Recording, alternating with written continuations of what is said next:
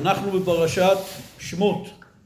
בשנים קודמות דיברנו כאן על כמה וכמה נושאים שיש בפרשה והערב אני רוצה לדבר על שתי נשים שהצילו את עם ישראל בהתחלת הגזרות שתי המילדות העבריות שפרה ופועה שהן מרים ויוכבד כפי שנראה בהמשך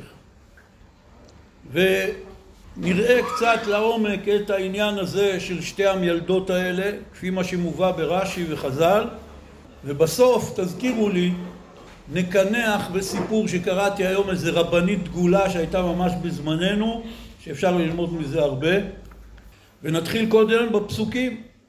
אחרי שקם פרעה מלך חדש שלא ידע את יוסף הוא אומר לעמו הבה נתחכמה לו צריך לטפל בעם ישראל אחרת הם יסכנו אותנו ושמים על עם ישראל עבודת פרך קשה ביותר. כפי שכתוב ויעבידו מצרים את בני ישראל בפרך וימררו את חייהם בעבודה קשה בחומר ובלבנים ובכל עבודה בשדה את כל עבודתם אשר עבדו בהם בפרך. ואז כתוב כך בתורה ויאמר מלך מצרים למילדות העבריות אשר שם האחת שפרה ושם השנית פועה ויאמר בילדכן את העבריות וראיתן על האובניים אם בן הוא והמיתן אותו ואם בת היא וחיה. ותראינה המילדות את האלוהים ולא עשו כאשר דיבר עליהן מלך מצרים ותחיינה את הילדים. ויקרא מלך מצרים למילדות ויאמר להם מדוע עשיתן הדבר הזה ותחיינה את הילדים ותאמרנה המילדות אל פרעה כי לא כנשים המצריות העבריות כי חיות הנה בטרם תבוא אליהם המילדת וילדו. וייטב אלוהים למילדות וירב העם ויעצמו מאוד ויהי כי יראו המילדות את האלוהים ויעש להם בתים. עד כאן מה שכתוב על המילדות חמישה פסוקים שקראתי לפניכם. אומר רש"י מה זה המילדות? מי הם? אז כתוב ששם האחת שפרה ושם השנית פועה. אומר רש"י שפרה זו יוכבד על שם שמשפרת את הוולד. פועה זו מרים על שם שפועה ומדברת והוגה לוולד כדרך הנשים המפייסות תינוק הבוכה. ממשיך לפרש פועה לשון צעקה כמו שאומר הנביא ישעיה כיולדה אפעה זה מה שרש"י אומר על השמות של המילדות. זה מיוסד על דברי חז"ל בגמרא שהייתה מסורת לחכמינו ז"ל שהמילדות האלה שפרה ופועה אלה בעצם יוכבד אמו של משה ובתה מרים. היה מסורת כזאת. אבל המפרשים אומרים שגם אפשר לראות את זה ממה שהפסוק יותר מדי מעריך. כתוב ויאמר מלך מצרים למילדות העבריות אשר שם האחת שפרה ושם השנית פועה שואלים המפרשים למה צריך להגיד שם האחת ושם השנית ויאמר מלך מצרים למילדות העבריות שפרה ופועה. זה דרך הפסוקים גם בדרך כלל. אלא מתוך זה שהפסוק אומר שם האחת ואחרי זה שם השנית אומרים לנו המפרשים על פי הפשט בתורה שבעצם ניתן ללמוד מכאן שבאמת זה היו יוכבד ומרים וכל העם הכיר אותם רק לכבוד המעשים שלהם קראו להם בשם אחר. כמו שזה מופיע לכל אורך התנ"ך שיש לפעמים דמויות בתנ"ך כמו משה רבנו שהיו לו שבעה שמות אומרים חז"ל מוכיחים את זה מהפסוקים. יתרו היו לו כמה וכמה שמות. קוראים שמות לפי המעשים. וזה דבר מאוד מקובל בתורה נביאים וכתובים. אומרים לנו כל המפרשים וחז"ל כל העם ידע שזה יוכבד ומרים רק קראו להם שפרה ופועה על שם מה שהם עשו שם המעשה הגדול והעצום שהם עשו הם הצילו אין ספור ילדים יהודים ממוות שפרה הייתה משפרת את הוולד פועה הייתה פועה לוולד. הם עשו שני מעשים. חילקו ביניהם תפקידים. מה זה משפרת את הוולד? בפשטות הכוונה, כמו שמטפלים בתינוק, לנקות אותו. זה פירוש, לשפר ולד, לדאוג שהוא יהיה נקי. תינוק צריך לנקות כל הזמן. פועה הייתה פועה לוולד, מרגיעה אותו, כמו שרש"י אומר, כדרך הנשים המפייסות תינוק הבוכה. זה נקרא לפייס.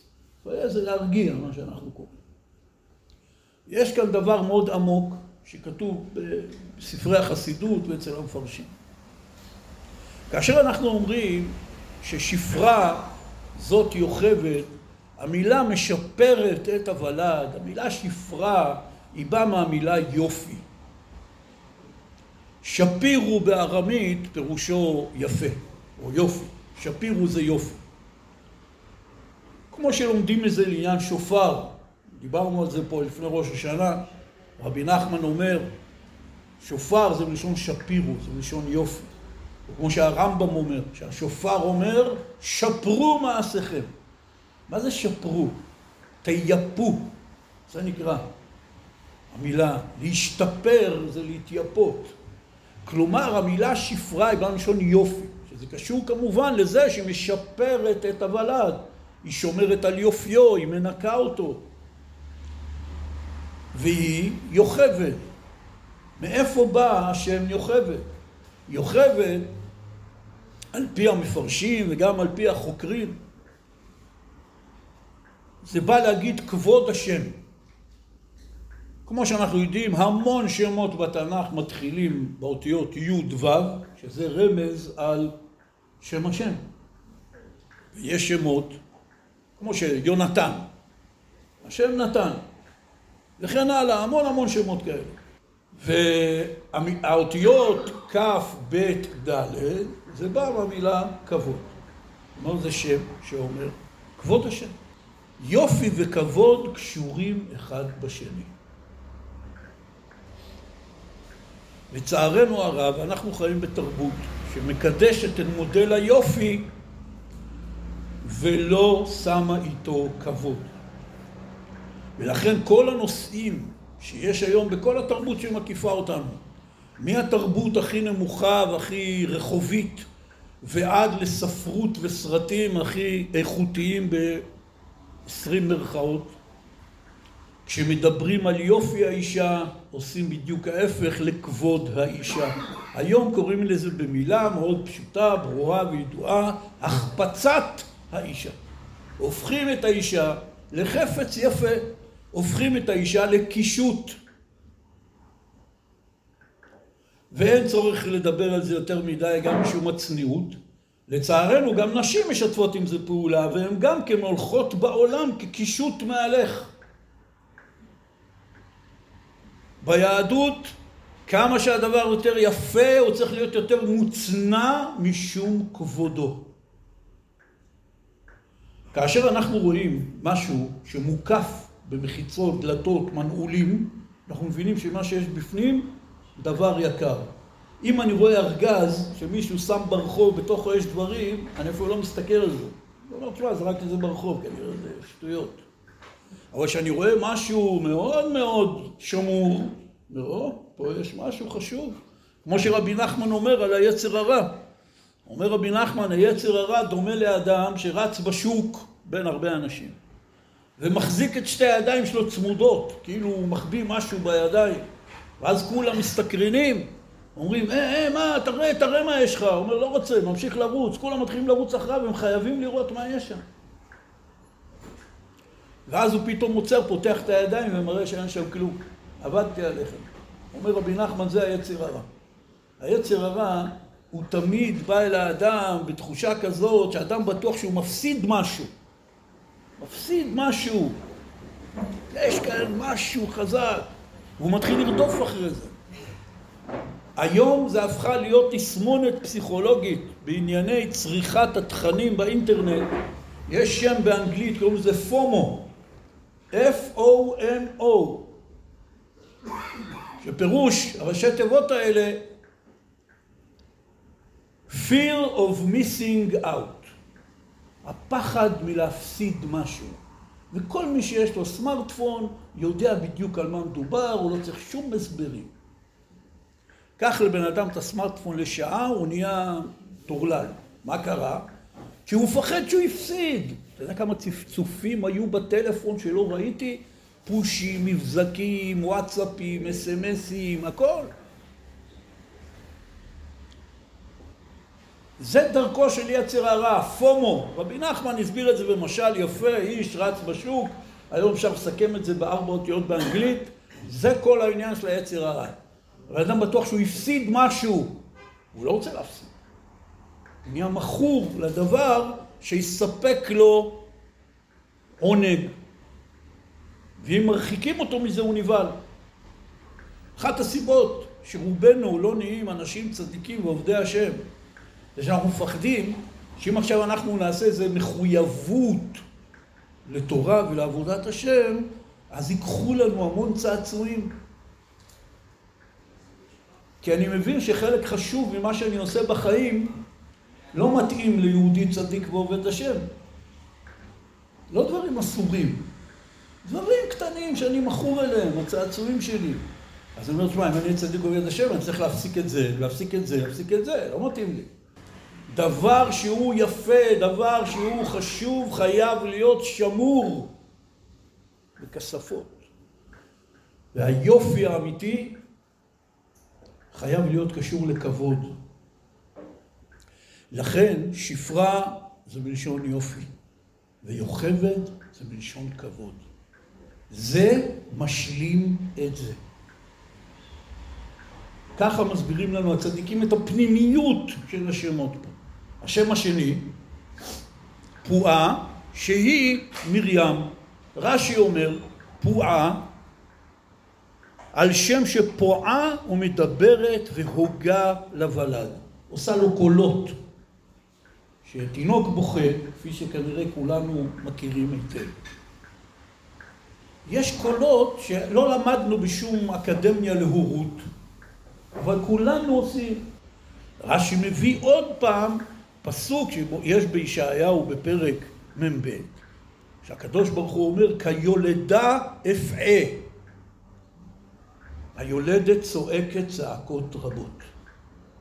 בספר הזוהר כתוב על פי סוד שהיולדת צועקת מאה קולות. אז הקדוש ברוך הוא אומר, שכשתבוא הגאולה כיולדה אפעה, אצעק. זאת בועה. מלשון פעייה, מלשון צעקה, מלשון השמעת קול. מרים, כתבו המפרשים, זה מלשון הרמת קול. אבל אם מתבוננים במהות של המילה, כפי אפילו שהיא מופיעה בשפות עתיקות מהעולם העתיק, יש שתי משמעויות למילה מרים. אחת, בלשון גברת, כמו שאנחנו קוראים, מר ומרת, נכון? זה בכל השפות השמיות העתיקות, מארמית, דרך שפות אחרות, זה בא מלשון אדנות. הפירוש של המילה מרים לפי זה הוא גברת אצילה. ובשפות אחרות, ואפילו במצרית עתיקה, מרה זה פירוש לאהוב. אבל חכמינו פירשו את המילה מרים במובן הזה שהיא המתיקה את המרירות על ידי התפילה. היא הייתה נביאה. מרים הנביאה, אחת מגדולות הנביאות שהיו בתולדות עם ישראל. אם כן, אם מחברים את שניהם לצורך ההבנה שלנו, כמו ששפרה זה יופי, אבל יופי חייב שיהיה איתו כבוד, אותו דבר פועה זה לשון פעייה, לשון צעקה, לשון תפילה, שחייב שיבוא איתו גם המתקת המרירות. ועם המשמעויות האחרות שהזכרתי כמובן, אהבה ואצילות ומלוכה על עצמה. שני הדברים האלה, שני הכוחות האלה, זה כוחות חשובים. מדוע? מפני שמפני שיש לנו בקבלת אבותינו ששפרה ופועה הם בעצם יוכבד ומרים, הסיבה שהתורה קראה להם בשני השמות המיוחדים האלה על שם מה שהם עשו לתינוקות, אז השמות האלה חשובים. ואחד מגדולי חכמי המוסר, רבי ירוחם, מראה לנו פה עוד נקודה. נקודה גדולה, נקודה חשובה מאוד. אנחנו רואים, וקראנו את זה בפסוקים, המילדות יראו את האלוקים. של רבי ירוחם.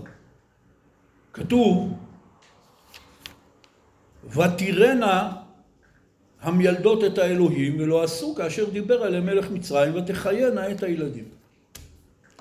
אומר רבי ירוחם, לכאורה נראה מהפסוק למה הם לא עשו מה שמלך מצרים עשה? מפני שהם יראו את האלוקים. הוא אומר, אבל אנחנו לא מכירים בתורה שכאשר מזכירים מעשה של צדיקות מצד מישהו, שהיינו מסבירים לנו גם למה. הם היו צדיקות. אומר רבי ירוחם, ותראנה את האלוקים ולא עשו כאשר ציווה אותה מלך מצרים. הם עשו עימות בין יראה ליראה. הרי זה ברור לגמרי שהם ידעו שהם עושות כאן דבר שעלול לעלות להם בחייהם. כאשר לא מקיימים את דברי מלך מצרים. זה ייגמר במוות. זאת סכנה. אומר רבי ירוחם, יש פה עימות בין יראה ליראה. הם יראו מהאלוקים ולא עשו כאשר דיבר עליהם מלך מצרים. הם ידעו להגביר בתוכם את יראת האלוקים באופן כזה שהם נטרלו, אם אפשר להגיד ככה, את היראה ממלך מצרים. אנחנו לא מדברים על זה הרבה. מצוות היראה היא אחת משש המצוות התמידיות שכל אחד ואחת מאיתנו מחויבים בהן בכל רגע ורגע. יראת השם. וכמובן שרבים מאוד מגדולי ישראל הקשו על כל שש המצוות התמידיות שכולם במחשבה, איך אפשר לצוות על אדם מה להרגיש? המצווה הראשונה זה אמונה, אחרי זה יש אהבה ויראה וכן הלאה. איך אתה יכול לצוות על בן אדם לאהוב? איך אתה יכול לצוות על בן אדם לירוא, לפחד ממשהו? אם הוא מפחד, הוא מפחד, אם הוא לא מפחד, לא מפחד. אלא ההסבר הוא של קיום המצווה זה כמה השתדלות אתה עושה כדי להשיג את כוחות הנפש האלה, אהבה, יראה וכן הלאה. כמה השתדלות אתה עושה בפועל כדי להגיע לזה. עשית, לא הגעת, כל טוב. אבל אם אתה לא עושה כלום בשביל זה, אז מה... אז אתה לא מקיים את המצווה. כלומר, השאלה אם אתה ירא שמיים, זה לא אם אתה ירא שמיים, מה שלא יהיה הפירוש של המילה הזאת. השאלה היא האם אתה עושה השתדלות כדי להיות ירא שמיים. זאת השאלה. וזה דבר שווה לכל נפש שכל אדם יכול לעשות. אם כן, מה הם עשו? כולנו יודעים מה זה יראה. אנחנו דיברנו פה כמה פעמים מה זה תפילה בכוונה, שכל אחד מאיתנו יתפלל וידבר לפני הקדוש ברוך הוא בערך כמו שהוא מנסה לשכנע שוטר לבטל לו דוח. באותה כוונה, באותו ריכוז. אין אדם שמתחנן לשוטר לבטל לו דוח 500 שקל קנס או 100 שקל ותוך כדי שהוא מדבר עם השוטר הוא מסתכל בטלפון והוא חושב על אלף דברים אחרים לא, אין עולם כרגע, אני ממוקד במשימה לשכנע את השוטר אם היינו מכוונים ככה בתפילות שלנו, כולנו היינו זוכים לניסים ונפלאות, וכל התפילות שלנו היו מתקבלות. אותו דבר זה בעניין של יראה.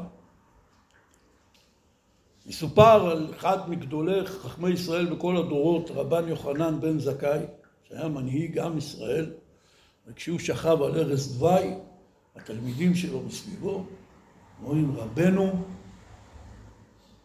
תברך אותנו. לפני מותו, ברכה אחרונה מהרב. אמר להם, יהי רצון שיהיה מורא השמיים עליכם כמורא בשר ודם. תפחדו מאלוקים כמו שאתם מפחדים מבני אדם.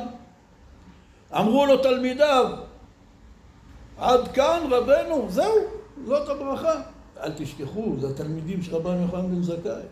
כולם תנאים קדושים, בעלי רוח הקודש, אנשים שאין לנו תפיסה בהם. זה לא איזה סתם איזה מישהו אומר לו, אני מברך אותך שת, שתפחד מאלוקים כמו שאתה מפחד מבני אדם. זה אנשים גדולים.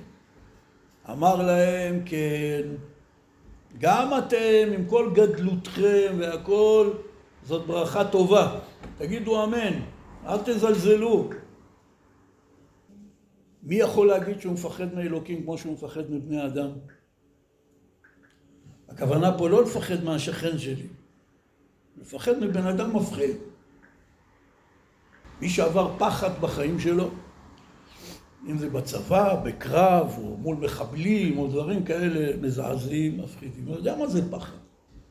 זה כמו שחז"ל אמרו, פחד מפרק את כל הגוף של האדם. לפעמים לוקח לבן אדם תקופה ארוכה שהוא חוזר לעצמו מאיזה רגע אחד של פחד. פחד על החיים וכן הלאה. ואז מי שעבר פחד כזה, הוא יודע טוב מאוד מה זה פחד.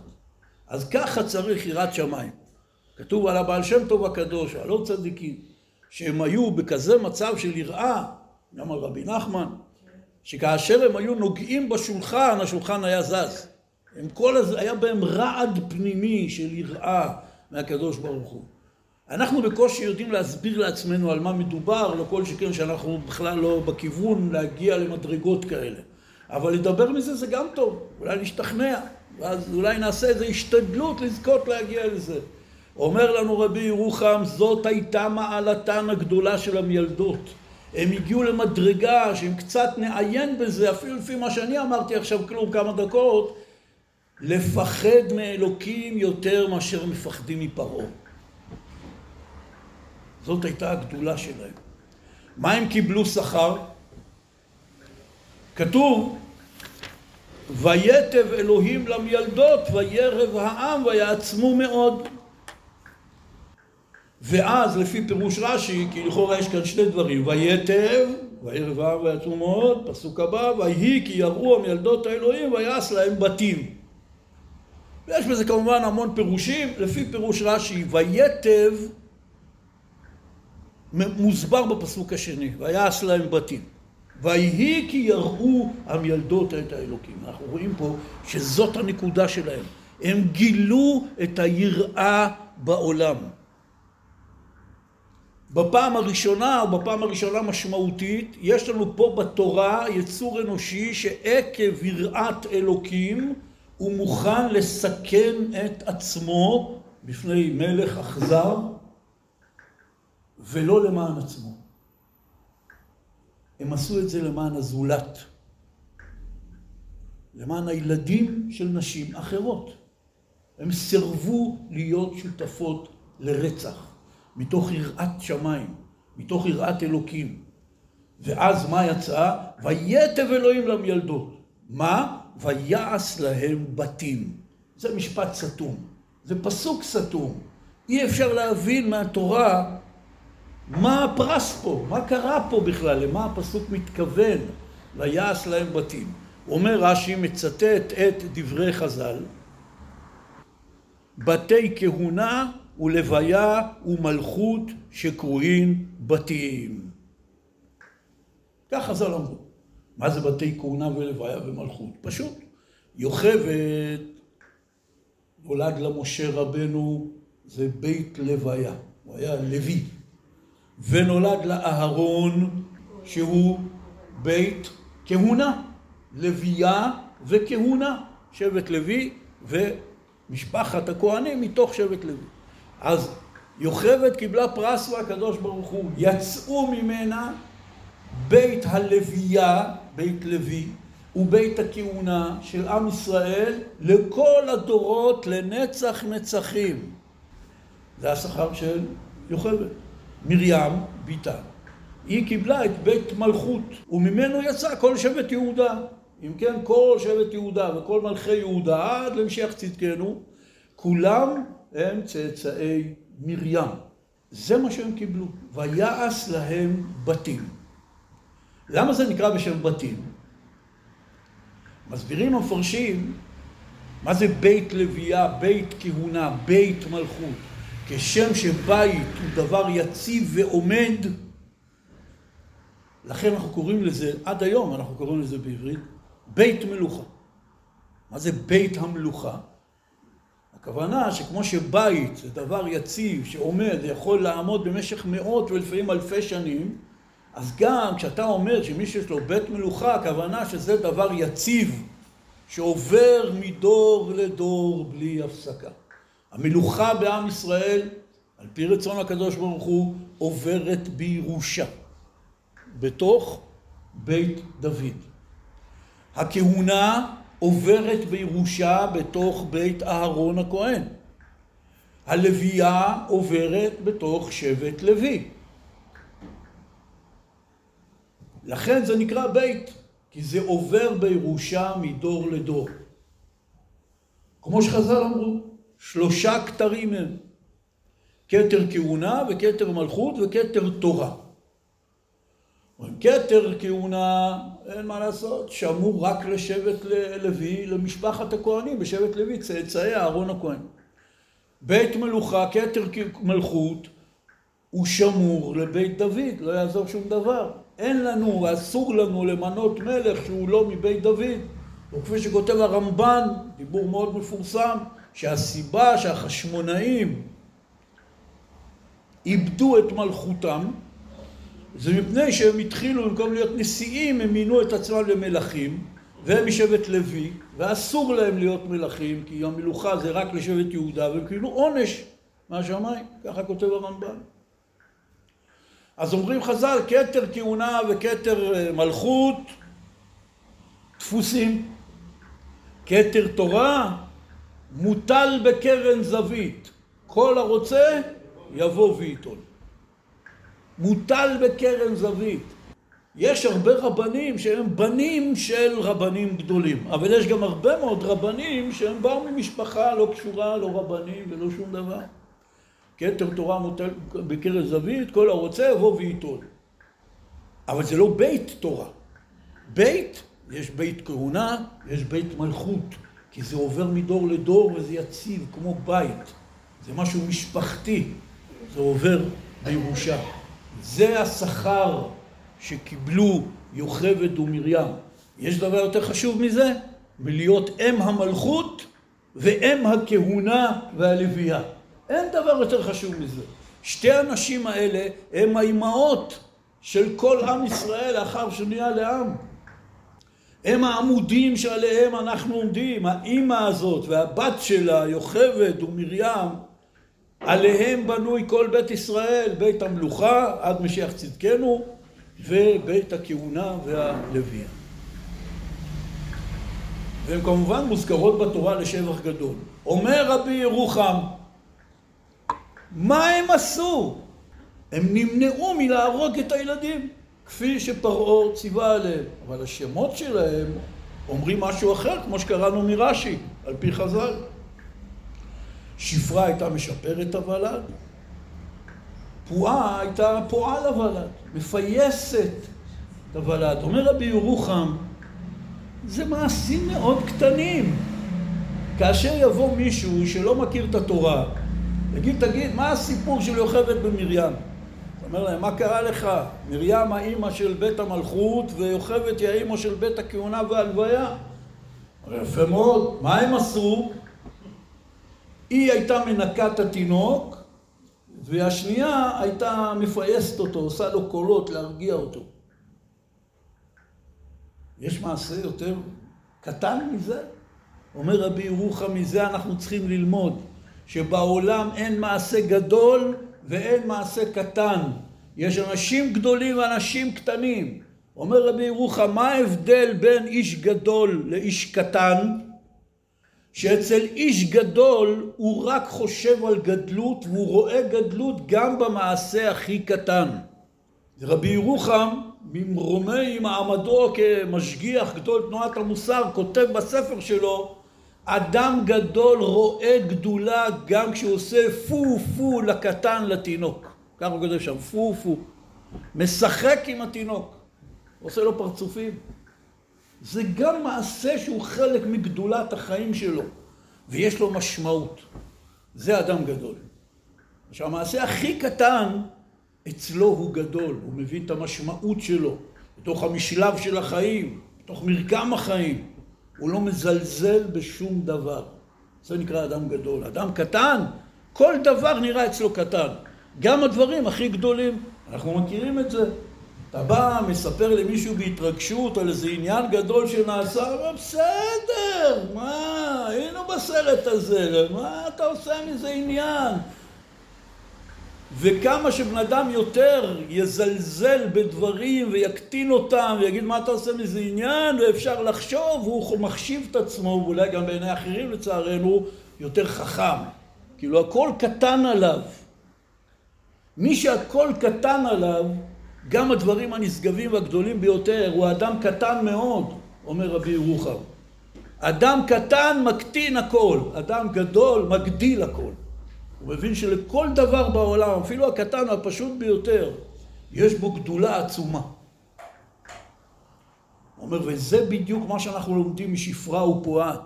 שפרה ואיזה דרשות, אם הייתם יודעים, אפשר לכתוב ספר שלם רק מהציטוטים, מספרי נגלה וקבלה, מה זה שפרה, מה זה פועה, ראשי תיבות וגימטריות ורמזים לשמות קדושים ולעולמות עליונים והכל.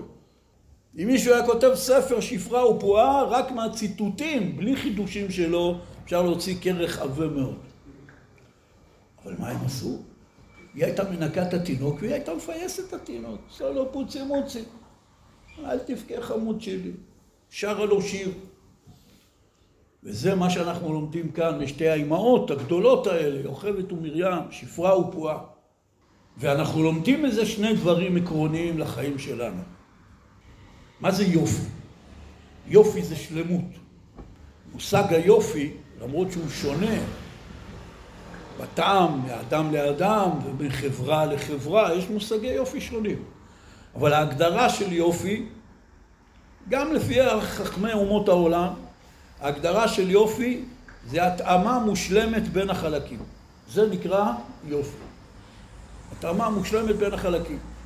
לדוגמה פנים יפות, שזה הדבר הראשון שאנשים מסתכלים עליהם. עיקר העניין זה לא אם יש לו אף יפה, אלא אם האף מתאים והרמוני עם שאר חלקי הפנים. היום אפשר לעשות את זה בתוכנות אה, בקלות. קח אף של אחד מכוער, שים אותו על פנים בפוטושופ, על פנים של תמונה של מישהו אחר שהיחסים יותר מתאימים, פתאום האף המכוער הופך להיות אף יפה. בלי ניתוח. אותו דבר זה כל יופי אחר. היופי זה ההתאמה המושלמת בין החלקים, מה שקוראים היום הרמוניה. יופי זה שלמות. והשלמות באה על ידי כבוד. שאמרנו קודם, יש את שפרה, משפרת הבלת, שפירו זה יופי, יוכבד זה פירוש כבוד. היופי, השלמות הזאת, היא באה על ידי כבוד. כמה שאדם יותר פחות כמו שרבי נחמן אומר בתורה י"ב בחלק שני בליקוטי מוהר"ן. כמה שאדם פחות מסתכל בכבוד עצמו, הוא מחפש את כבוד השם. כי הגאווה, שאדם מחפש כבוד עצמו, זאת המידה הרעה ביותר שיש עלי אדמות. כמו ששלמה המלך אומר, תועבת השם כל גבה לב. מי שיש לו גבות לב הוא תועבה. בעיני הקדוש ברוך הוא. תועבה. מה הוא עשה? מה אתה רוצה ממנו? לא רצח, לא גנב, לא שדד. הוא קצת מסתכל על כולם מלמעלה. בסדר. תועבת השם. אני מבין, אם יגידו לי שרוצח, זה תועבת השם. שאדם אכזרי הוא תועבת השם, זה תועבה. אבל אדם שלא עשה רע לאף אחד, הוא רק בלב, הוא מסתכל על כולם מלמעלה, זה הכל, יש לו קצת גבות לב, מה קרה? תועבת השם כל גבה הלב, אומר לנו שלמה המלך. ראיתי שבא מישהו ושאל את הרב שטיינמן, זכר צדיק לברכה, שאלה קשה מאוד. הוא אומר לו, מצד אחד מופיע בחז"ל, בהמון מקומות, שבני ישראל הצליחו לעבור את גלות מצרים, כי הם לא שינו את שמם ואת לשונם וכן הלאה, שמרו ולא שינו את השפה, לא את צורת הלבוש, נשארו מצוינים, כמו שכתוב בגדה של פסח, אם אתם זוכרים, מלמד שהיו ישראל מצוינים ביניהם. כולם ידעו, זה יהודי. לא שינו את מסורת אבותיהם. חז"ל חוזרים על זה כמה פעמים. ומצד שני, חז"ל אומרים גם במקומות אחרים שבני ישראל במצרים ירדו ל-49 שערי טומאה. וכל מה שספירת העומר בין יציאת מצרים לבין מתן תורה, זה תהליך ההיטהרות של עם ישראל, שב-49 הימים של ספירת העומר, הם צריכים לעלות מ-49 שערי טומאה. שאל אותו אדם את הרב שטיינמן. מצד אחד אומרים לנו שהם היו צדיקים, הם היו דתיים, הם היו בסדר גמור. לא שינו כלום, שמרו על מסורת אבותיהם. מצד שני אומרים לנו, ירדו ל-49 שערי טומאה. איך זה יכול להיות? זה סותר. אמר לו הרב שטיינמן, זה בכלל לא סותר. הם לא שינו את לשונם ואת שמם ושמרו מצוות והיו דתיים על הכיף כיפק. איפה הם ירדו ל-49 שערי טומאה? במידות שלהם.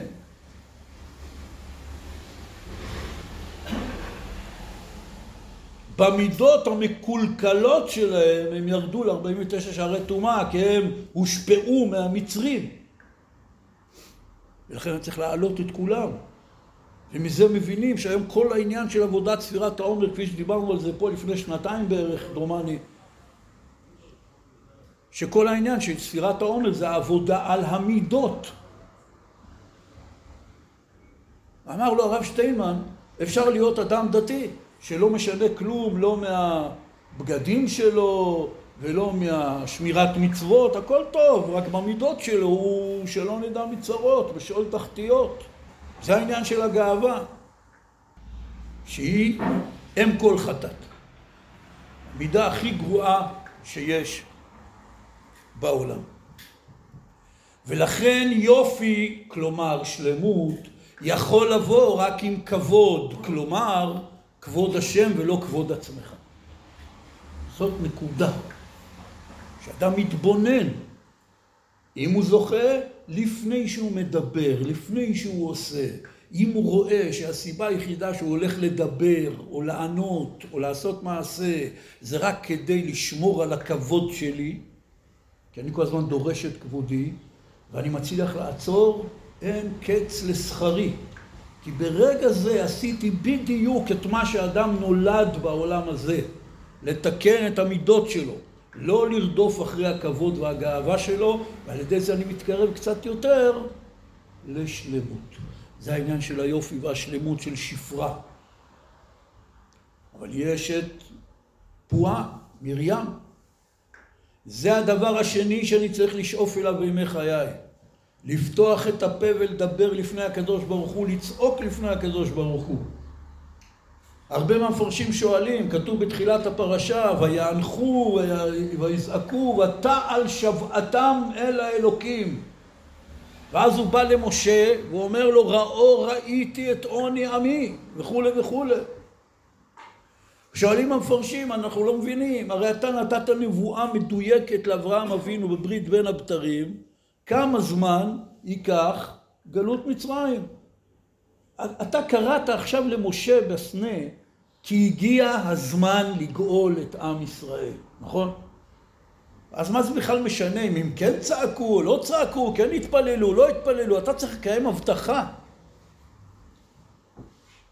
מסבירים לנו חכמי ישראל, נכון, אבל אתה צריך לדעת שגם דבר שכבר נגזר מהשמיים שיהיה, הקדוש ברוך הוא מצפה שהאדם יבקש אותו, יתפלל עליו, עד כדי כך שאומר רבי נחמן כך, אנחנו רואים את הבהמות והחיות, גם להם הקדוש ברוך הוא משפיע שפע. היא הולכת בגשם, קר לה, מזמן לה איזה מקום מחסה, היא צריכה אוכל, יש לה אוכל. הקדוש ברוך הוא שולח שפע גם לבהמות. אומר רבי נחמן, אתה צריך להשתדל שהשפע שיורד עליך בשמיים, מהשמיים זה יהיה שפע של אדם ולא שפע של בהמה. כי יש גם בני אדם שהקדוש ברוך הוא משפיע עליהם כל טוב, בלי שהם ביקשו את זה, בלי שהם עשו שום מעשה טוב לכבוד זה. ככה בחשבונות שמיים הוא מקבל. זה מקבל כמה אלפים, והוא כמה מיליונים, והוא כמה מיליארדים. אומר רבי נחמן, נכון, יש גם כאלה בני אדם. יש בני אדם שניזונים משפע של בהמה. כמו בהמה. הקדוש ברוך הוא מוריד לשפע, בהשגחתו. אבל אתה צריך להשתדל שיהיה לך שפע של אדם בחיים, שביקשת כל דבר. שביקשת כל דבר. ופעם אחת רבי נתן, תלמידו של רבי נחמן, הלך והשרוך שלו בנעל היה קרוע והוא היה בעיר אחרת, לא בעיר שהוא גר בה, לא היה לו מאיפה להשיג שרוך. רבי נחמן ראה את זה, אומר לו, מה זה, מה קרה לנעל? אומר לו, נקרא לי השרוך. אומר לו, התפללת על זה? פעם הבת שלו, של רבי נחמן, באה אליו, אמרה לו שהעוזרת בית שלה מאוד מרגיזה אותה. אז הוא אמר לה, כנראה לא התפללת על זה מתחת לחופה. כולם יודעים, יום החופה, מתחת לחופה זה עת רצון שאין לתאר, וכל הכלות והחתנים מתכוננים לרגע הזה, ומכינים, ואנשים באים ואומרים, תעשה טובה, תעשי טובה, תתפללי עליי מתחת לחופה, יודעים, זה עת רצון גדול. האם יש איזה כלה שחשבה אי פעם לבקש מהקדוש ברוך הוא, ויהי רצון שהעוזרות בית שלי לא יעצבנו אותי? מברכים על פרנסה, על שלום בית, מתפללים על זרע של קיימא, על ילדים, על ילדות, הכל טוב. אבל לא דברים קטנים. רבי נחמן אמר לרבי נתן, וגם אמר לבת שלו, כן, אדם קם בבוקר, אומר, יהי רצון לפניך, שלא יקראו לי הסרוכים היום, שלא יהיו לי פדיחות. כן, על הדברים הכי קטנים. מסופר על החפץ חיים. שבמלחמת העולם הראשונה הישיבה שלו גלתה בגלל המלחמה הקשה שהייתה אז באותם אזורים. עברו תקופה ארוכה מאוד מאוד קשה תחת מלחמה. ופעם הייתה התקפה על העיר ששם הוא היה עם תלמידיו ועם פני המשפחות שלהם. וכל הנשים התחילו לצעוק מרוב פחד, הפגזות ורצו לחפץ חיים, גדול הדור נמצא איתם, הרב הכי גדול, היה כבר יהודי זקן מאוד גם אמרו לו, הרב, הרב, תתפלל עלינו. אמר להם, טעיתם בכתובת, אתם צריכים כולם ביחד, כולם יתפללו. אמרו לו, כן, אבל מה נגיד? כי הנשים אז היו רגילות בהדלקת נרות, אומרים תחינה, זה כתוב בסידור, יש תפילות מיוחדות להפרשת חלה, להדלקת נרות, יש תפילות כמו שהיום גם כן, יש בספרים ומפיצים בוואטסאפים כל מיני תפילות לזמנים מסוימים.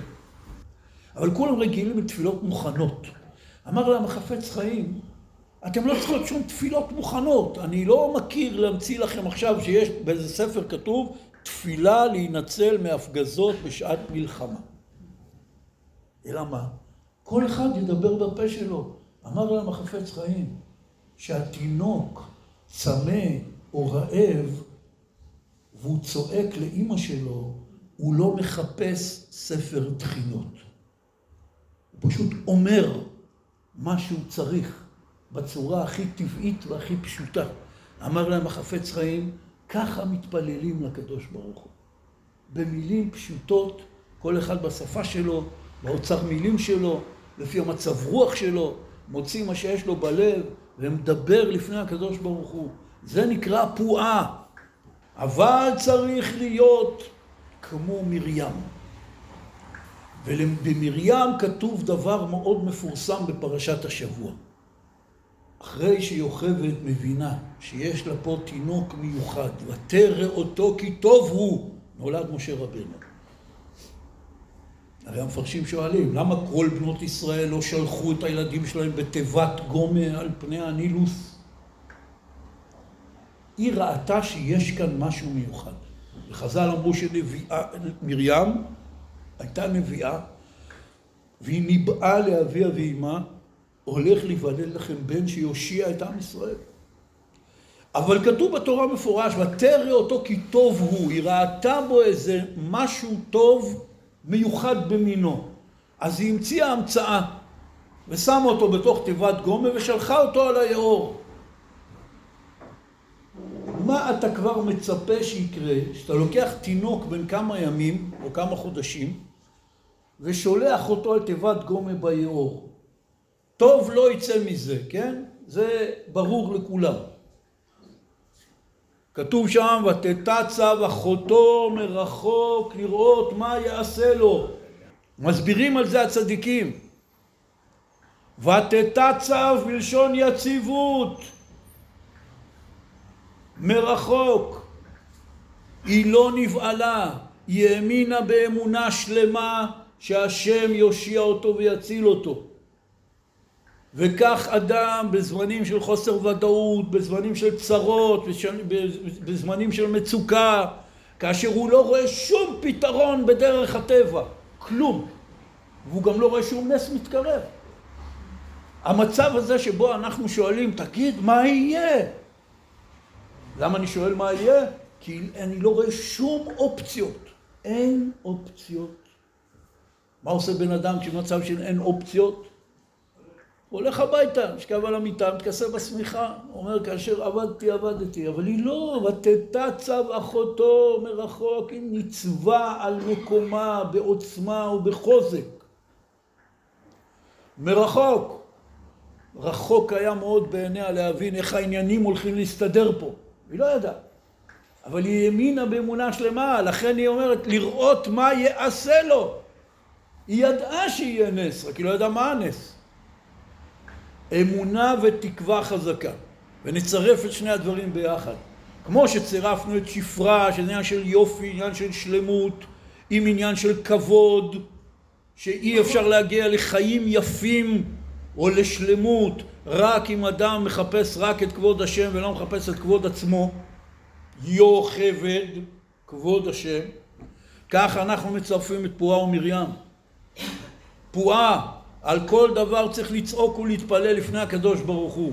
במילים שלנו, על כל פרט אפילו על הדברים הקטנטנים ביותר. להפוך להיות מאדם, אתם יודעים, יש דבר כזה היום, גם דתיים, אפילו אנשים חילונים, מסורתיים, אם קורה איזה אירוע, כמו שאומרים, יוצא מגדר הרגיל, אז נוסעים לכותל. לנסוע לכותל זה נקרא כלו כל הקיצין. נוסעים לכותל, להתפלל. זה אומר תהילים, זה שם את הראש של הכותל, מבקש קצת, זה שם פתק, לא משנה, אנשים מכל העולם באים להתפלל בכותל, זה נקרא, אף אחד לא הולך להתפלל בכותל שיצליח לו הצביעה של הבית, כן? אני עכשיו עושה צביעה לבית. ואתם יודעים, יש תקלות, יש רטיבות, לפעמים לא בוחרים בדיוק את הצבע הנכון, הבאתי חברה הזאת ולא את הטמבור המתאים. ואחרי זה יש צרות, או שאתה צובע, פתאום אומרים עוד פעם את כל הדברים שהיו בקיר מאחורה, יש תקלות. ואדון אומר לאשתו, חכי, לפני הצביעה נוסע לכותל, שתצליח לנו הצביעה בבית. הנה, אתם צוחקים. מה שהצדיקים רוצים שאנחנו בכלל לא נצחק מזה. לאו דווקא לנסוע לכותל כמובן, אבל להתפלל על כל דבר, על כל דבר. אבל כשבן אדם מתחיל להתפלל על הצרות שלו, פועה, מה זה פועה? פועל זה פירוש כמו שהשה, הגדי, פועל לאימא שלו, כן? זה, זה הכוונה, הפועה. בגלל שהוא כל הזמן עסוק במה שחסר לו, מתגנב לו ספק ללב, אולי אני סתם מתפלל, אולי השם לא ישמע אותי, לא כל שכן שאם אדם מתפלל איזה תקופה על משהו והוא לא זוכה שתפילתו תתקבל, הוא מתייאש. הפסוק אומר, תוחלת ממושכה, מחלת לב. אומרים חז"ל, זה עיון תפילה. מה זה עיון תפילה? עיון תפילה פירוש שאני מתפלל, כל אומר, נו, למה זה לא מגיע? למה השם לא שומע לי? והאמת שבפנים מה הוא אומר? פשוט לא מתנסח גם. זה לא בסדר מצד הקדוש ברוך הוא, בוא דוגרי בינינו, מה, מה קרה? אמרת להתפלל, התפללתי. נתתי צדקה לפני התפילה, אחרי התפילה. הכל. מה אני לא רוצח, אני לא מומר, אני לא עבריין. בסדר, נכון, אולי אני לא מל"ו צדיקים, אבל בסך הכל הכללי, אני יהודי טוב, יהודי דתי. תשאל כל מי שמכיר אותי, יגיד לך, הוא בן אדם דתי. יפה. עכשיו אתה אמרת להתפלל, אני מתפלל. מה זה מתפלל? כל יום שחרית, מנחה, ערבית, אומר קצת תהילים, זה משהו חשוב. אבל אני מתפלל כבר שבוע, שבועיים, חודש, חודשיים, שנה, שנתיים, עשר שנים, עשרים שנה. לא מקבל את זה. זה לא בסדר מצדך, ריבונו של עולם. נו, מה קורה? זה נקרא עיון תפילה. אומרים חז"ל, תוחלת ממושכה, אומר הפסוק, תוחלת, הכוונה ציפייה ממושכת, מחלת לב. את זה לא צריך להסביר.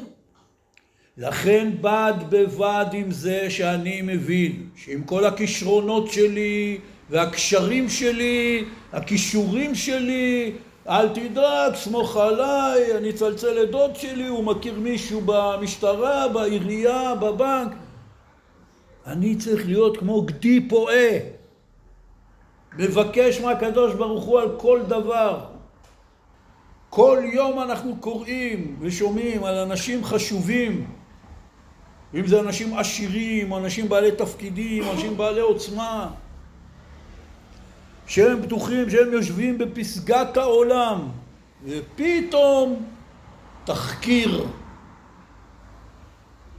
ביזיונות ובושות שאנשים כמונו רגילים, בחיים שלנו לא עברנו כאלה בושות.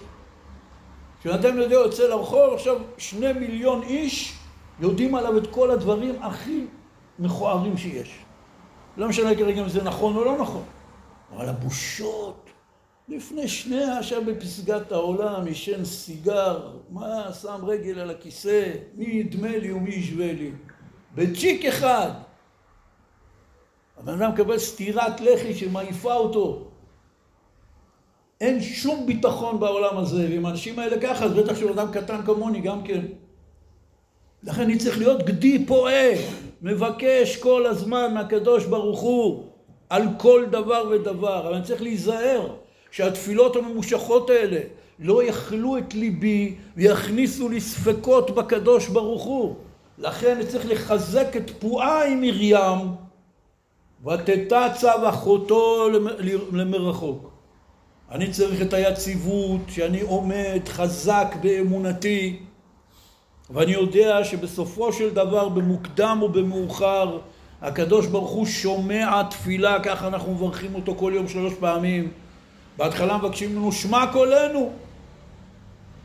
בסוף אנחנו מברכים, ברוך אתה השם, שומע תפילה. פירוש העניין, אני מברך אותך השם ואני מאמין באמונה שלמה שאתה שומע תפילה.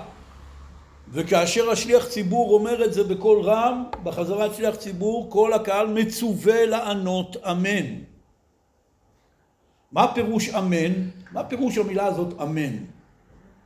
אנחנו כל כך מכירים אותה, היא נכנסה לכל השפות של כל העולם המערבי, שהם בטוח אומרים אותה ולא יודעים אפילו מה הם אומרים. אמן, זהו, כמו הללויה. הם מכירים את שתי המילים האלה, אמן והללויה. אין להם מושג מה הם אומרים. זה כמו איזה מנטרה כזאת, מיסטית, שהם לא יודעים איפה היא הגיעה. שם כזה, זה מילה. אנחנו כן יודעים, יודעים, הללויה זה תהללו את הקדוש ברוך הוא, זה פירוש המילים. מה זה אמן? אנחנו מבינים שזה בא מלשון אמונה. אבל הפירוש המדויק שאנחנו מצווים לענות אמן כאשר שומעים יהודים מברך ברכה. אני מאמין באמונה שלמה שמה שאמרת הוא אמת, ואני מאמין שזה גם יתקיים. אמת ואמונה. זה פירוש המילה אמן. אז אומרים ברוך אתה השם שומע תפילה. אומר, מה שומע תפילה, אתה יודע, יש לי תפילות, אני מתפלל כבר, או, שנים אני מתפלל אותן, ולא התקבלו. אז קודם כל היה כדאי שכל אחד מאיתנו יעשה חשבון לעצמו רגע, בוא נניח שבאמת יש לך משהו, ונניח, שזה דבר נדיר, שבעשר שנים האחרונות לא הייתה תפילת שחרית מנחה או ערבית שלא התפללת עליו. זה דבר נדיר מאוד, כן? אדם מתפלל איזה תקופה, בדרך כלל ימים, על משהו, כל תפילה, ואחרי זה הוא נרגע. נניח יש אחד עשר שנים רצוף. כמה זמן התפללת על זה בכל יום? מה אתה מדבר? אני מתפלל על זה בכל תפילת שמונה עשרה. אוקיי, כמה זמן? אם נניח שאתה מתפלל תפילת שמונה עשרה בזמן הממוצע הנורמלי של יהודי דתי, אז אתה לא מתפלל תפילת שמונה עשרה בין חמש לעשר דקות, ואיך אומרים? הייתי נדיב. בן אדם שמתפלל שמונה עשרה עשר דקות זה עובד השם גדול. בני אדם רגילים גומרים תפילת שמונה עשרה בארבע חמש דקות, אוקיי? עכשיו מתוך זה כמה זמן התפללת על הדבר? הוא אומר, מה אתה מדבר? אני התפללתי. כמה זמן? אולי שלושים שניות. אולי. זה הרבה. שלושים שניות אפשר לבקש הרבה. דקה וחצי כל יום התפללת על זה. שלושים דקות בחודש. יש דבר אחד בחיים שלך שהשגת, שהיית צריך לדבר עליו עם בני אדם, שדיברת עליו דקה וחצי, ואחרי זה התעצבנת איך זה לא קרה, כשאתה מדבר עם השוטר שיבטל לך דוח, מה שהזכרנו קודם, אתה גם כן אה, מדבר שלושים שניות, ואחרי זה מתפלא. תראה מה זה, ביקשתי ממנו. אתה מוכן לדבר כל עוד הוא מוכן לשמוע. זה ההגדרה כשאתה בא לדבר עם אדם שאתה צריך ממנו משהו. אני מוכן לדבר כל עוד הוא מוכן לשמוע. עד שהוא לא יסתום לי את הפה, אני ממשיך, ועוד סיבה, ועוד רעיון לזה. זה נקרא לדבר לפני הקדוש ברוך הוא, לפרש שיחתו. אתה אומר, תשמע, הוא הפר חוזה, הקדוש ברוך הוא, היה לנו דין. אני התפללתי על זה, זה עשר שניות כל יום, במשך כמעט חודש. אתה יודע מה זה? חודש שלם התפללתי על זה כל יום, עשר שניות, והוא לא קיים את תפילתי, כאילו איזו הפרת חוזה חמורה מצד הקדוש ברוך הוא. משקיע בתפילה, אבל לא עושה עיון תפילה. לא אומר, נו כבר, מה קורה? למה הוא לא קיבל את התפילה? נכון, זה קשה, זה רגש טבעי מאוד, צריך להילחם נגדו. להאמין באמונה שלמה שהוא שומע תפילה. אבל הוא לא אמר אם הוא שומע תפילה על המקום, או אחרי חודש, אחרי שנה, או אחרי שלושים שנה. ורבי נחמן אומר שלפעמים יש דבר שאדם מתפלל עליו כל החיים, משקיע בתפילה, וכל התפילות האלה עוזרות לבנים שלו ולנכדים שלו בדורות אחר כך. הבטחתי לכם סיפור מרבנית. הייתה רבנית בזמננו, רבנית חיה רוחמה קופשיץ. זו משפחה מאוד ידועה, משפחת קופשיץ, שבאופן מאוד פלאי, כל הבנים שלה גאוני עולם, רבנים עצומים. חתנים, לא כל שכן. אחד מהחתנים שלה היה רבי ניסים קרליץ, אחד מגדולי הפוסקים בדורנו. פעם אחת שאלו אותה, איך זכית? כל הילדים שלך, זה לא רק הילדים, הנכדים והנינים, דורות על דורות של רבנים באמת מיוחדים במינם. איך זכית? אמרה להם, אני רציתי את זה מאוד חזק והתפללתי על זה. אמרו לה, כל אישה שהיא באה מבית ירא שמיים, גם היא רוצה, גם היא מתפללת. אמרה להם, ההבדל ביני לבינם, שהם רצו גם את זה, אני רציתי רק את זה. וזה דיבור עמוק מאוד מאוד. הם רצו גם את זה. הם רצו בריאות ונחת, ושהילדים יהיו בני תורה, נכון? רצו גם את זה. אמרה להם, אני רציתי רק את זה. וזה דיבור שהוא מאוד מפורסם. מפורסם בשמה. היום קראתי שאחד דיבר עם אחד מהנכדים. הוא אמר, תדע לך, יש תוספת לזה. והתוספת היא שאמרו לה, רצית רק את זה. יש עוד דברים בחיים. פרנסה, בריאות, החיים מלאים עניינים. איך אפשר לרכז את הרצון רק בדבר אחד? אז היא נתנה להם דוגמה. אמרה להם, תארו לעצמכם שמישהו צריך שמן.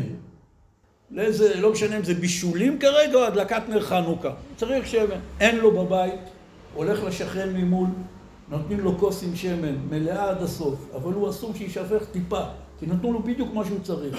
והוא מתחיל ללכת ברחוב, כולו מרוכז בכוס שמן.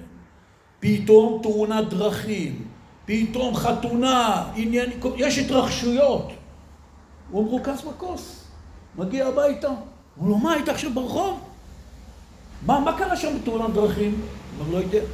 מה קרה שם באירוע ההוא? לא יודע. מה זה לא יודע? עברת שם. הוא אומר, כן, הייתי מרוכז בכוס. היא אמרה להם, ככה אני התייחסתי לכל אירועי החיים. אני הייתי מרוכזת בכוס שמן שלי. עכשיו, כל אחד מאיתנו מכיר את זה. אולי לא עם כוס שמן, אבל כוס קפה, אין פה אחד שלא עבר את זה. עשית כוס קפה או כוס תה, נכון? זה עוד רותח. ועכשיו אתה הולך להגיש את זה, אבל מילאת קצת יותר מדי. אז אתה הולך כולך מרוכז בכוס, שלא יישפך. לא יישפך על היד, זה כואב, מים רותחים. שלא יישפך על הרצפה, לא נעים, פדיחות. אתה מרוכז בכוס. באותו רגע לא טלפוני, ולא, אתה לא מסתכל כלום, כולך מרוכז בכוס. אז זה למדנו מהרבנית קופשיץ. הם רצו גם את זה, אני רציתי רק את זה. זאת אישה גדולה, שהיא יודעת מה גדול ומה קטן. יש הרבה דברים בחיים. בלי סוף פרטים יש בחיים. שאלה מה חשוב ומה לא חשוב. ומי קובע לי מה חשוב ומה לא חשוב? זה שאלה חשובה מאוד שכל אחד צריך לשאול את עצמו. מי קובע לי מה חשוב ומה לא חשוב? למה זה חשוב? שאני אדע מי קובע לי? כי לפי זה אני אמור לנהל את הדבר הכי חשוב בחיים, שקוראים לו סדרי עדיפויות. ולכן, כאשר אני מבין, הדבר הזה הוא הגדול, למרות שבעיני אחרים הוא נראה מאוד טריוויאלי. אנשים מחשיבים יופי, עושר, רכוש, כבוד, קריירה, הצלחה. ואני חשוב לי לדעת המשניות בעל פה. אני חשוב לי שלא יעבור על היום בלי שאני אדבר עם הקדוש ברוך הוא במילים שלי, אשפוך לפניו את ליבי. זה מה שחשוב לי. עכשיו השאלה, כמה אנרגיה אני משקיע בדבר החשוב. כמה אני יודע לרכז ולמקד את התשומת לב שלי, כמו שאני יודע למקד אותה בכוס קפה שלא תישפך כשאני הולך איתה, ואז לא מעניין אותי מה קורה מסביבי.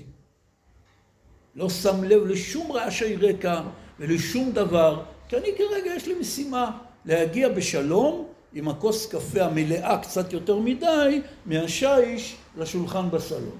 זאת המשימה. ועכשיו אין שום דבר בעולם חוץ מהמשימה הזאת. ככה האדם יכול לחלק לעצמו את העניין. ואז זה בכלל לא משנה. גם אם זה דברים קטנים, כמו שראינו על אה, יוכבד ומרים. זאת מנקה את התינוק וזאת תפייס התינוק, ועל ידי זה הם אה, אה, נחקקו בזיכרון הקולקטיבי של עם ישראל לדורות עולם, לנצח נצחים, כמו שאנחנו יושבים ומדברים עליהם פה, שהם היו לפני שלושת אלפים חמש מאות שנה, והם דמויות חיות ופועמות. יוכבד, מרים, שפרה, שהם שפרה ופועה. הם עשו דבר קטן, אבל אז זה היה דבר חשוב ביותר. כי הוא בא מתוך יראת אלוקים. ממי אני מפחד? ושתי המצוות החשובות האלה, אהבה ויראה, שהן נשמעות מילים מופשטות כאלה מעולם עבודת השם, שרוב בני אדם בכלל לא, אפילו הדתיים כמובן, לא כל כך מתחברים לזה. מה, אהבת השם, יראת השם? תסתכל על זה מהצד השני. אתה חייב להתחיל לברר לעצמך את מה אתה אוהב וממה אתה ירא. מה הפחדים שלך ומה האהבות שלך.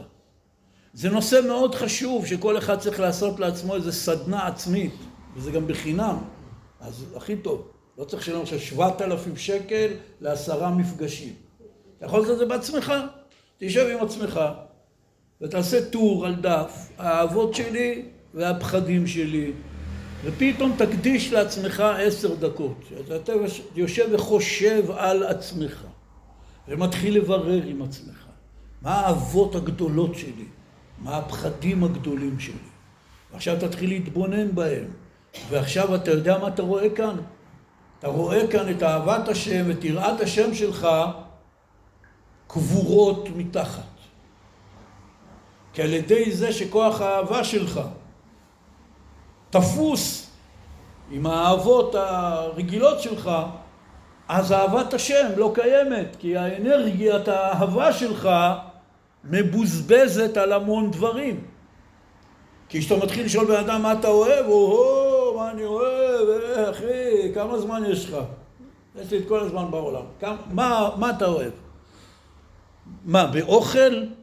בצבעים, במכוניות, במטוסים, בפוליטיקה, בזמרים, תגיד לי מה אתה מתכוון. כן, כי אתה אוהב המון דברים. אני אוהב את שלמה ארצי, ואני אוהב צבע טורקיז, ואני אוהב מכוניות ספורט, ואני אוהב אה, שחקני כדורגל ספרדים, אני אוהב המון דברים. כאן קבורה אהבת השם שלך. יותר מדי אהבות מבוזבז עליהם כוח האהבה שלך. נעבור לפחדים. מה הפחדים שלך? זה כמובן הרבה פחות נעים, אבל אם בן אדם עושה לעצמו רשימה, כן, בן אדם מפחד מהרבה דברים. אחד מפחד מעכבר, אחד מפחד מעכביש, ואחד מפחד מדברים יותר גדולים ומפחידים, וכל אחד יש לו את הפוביות שלו. כאן קבורה יראת השם שלך. כמה שתתחיל קצת להיגמל מאהבות מיותרות, שלא לדבר על אהבות אסורות, אבל אהבות מיותרות. וכמה שתתחיל להיגמל מפחדים מיותרים, יבצבצו האהבה והיראה שלך. זאת הנקודה. ולכן בעצם כשאתה עושה את הרשימה, האבות שלי, הפחדים שלי, אתה עושה בעצם רשימה מה גדול בעיניי. זה הבאתי לכם מה, מהסיפור הזה, מהאמרה הזאת של רבי, רבי ירוחם ומהסיפור הזה של הרבנית קופשיץ, עליה השלום, זכותה תגן עלינו. אני רציתי רק את זה, הם רצו גם את זה. והגם הזה, אתם מכירים את הגם הזה, כל אחד מכיר את הגם הזה אצלו. בטח, אני לא אומר, זה חשוב מאוד. שמישהו אומר לך על משהו ככה, זה שזה לא בתחתית הרשימה אצלו, זה בהערות שוליים מתחת לרשימה. כוכבית. אני רוצה את זה ואת זה ואת זה, וגם, תשמע, אני לא אומר, יש אותיות קטנות, כוכביות, בכל זאת דתיים, לא? אני רוצה להיות אה, אהבת השם, יראת השם, אמונה, בטח שאני רוצה. אמר פעם רבי נתן, תלמידו של רבי נחמן, אמר לו על זה מידה טובה. אמר לו, אני גם רוצה, אבל זה לא יוצא. אמר לו רבי נחמן, אתה רוצה לרצות? אל תזרוק כל כך מהר אני רוצה, בוא נראה אם אתה רוצה לרצות. לדוגמה, אם היית רוצה לרצות, להקדיש זמן לתורה ותפילה, הרבה יותר ממה שאתה עושה היום, בטח. אתה בטוח שאתה רוצה לרצות את זה? אתה יודע שאם עכשיו תשקיע את שעות הפנאי שלך במה שאתה מחויב על פי תורה ולקבוע עיתים לתורה ולהתפלל לקדוש ברוך הוא בכוונה, רוב ההנאות שלך בשעות הפנאי הופכות להיות לא רלוונטיות כי לא יהיה לך זמן. אומר, אה, רגע, רגע, רגע, זה, בוא, על זה לא חשבתי. כי כולנו רוצים גם וגם, נכון? כולנו גם רוצים להיות צדיקים וקדושים והכול, וגם לעשות את זה תוך כדי אכילת פופקורן על כיסא נדנדה, בלי לעבוד יותר מדי קשה. רוצים גם וגם, אבל בעולם אין גם וגם. אז אנחנו בוחרים בגם ההוא. זה מה שהרבנית אמרה, הם רצו גם את זה. אני רציתי רק את זה. אז מה יוצא לנו מכל הדיבורים האלה? מה שיוצא מכל הדיבורים האלה, שבאמת נבין שהדרך להיות איש גדול ולצאת ולהיות איש קטן, זה להתחיל לייחס גדולה גם למעשים קטנים בקדושה. כל ברכה וכל מילה וכל התגברות על איזה יצר, כל התגברות על מידה רעה, אתה לא תהפוך להיות צדיק, לא בדקה, לא בשעה, ואולי אפילו לא בעשר שנים. ואתה תמשיך לעשות דברים בעייתיים, ואתה עלול ליפול, אבל כל דקה שהצלחת להיות איש שיש בו יופי ושלמות וכבוד השם, כמו שאמרנו, על שפרה ויוכבת. ואתה יודע איך מצד אחד לפעוט לקדוש ברוך הוא בעין, להיות כמו פועה, לבקש על כל דבר, אבל מצד שני יש לך את התכונה של מרים, ותתצב, היציבות והחוזק באמונה שהקדוש ברוך הוא שומע תפילה, אני לא מתייאש, אני לא נשבר. כשיש לך את שני הדברים האלה, אתה זוכה לצאת קצת מקטנות לגדלות. אז שיהיה לכולנו שבת שלום, שנזכה ונחיה.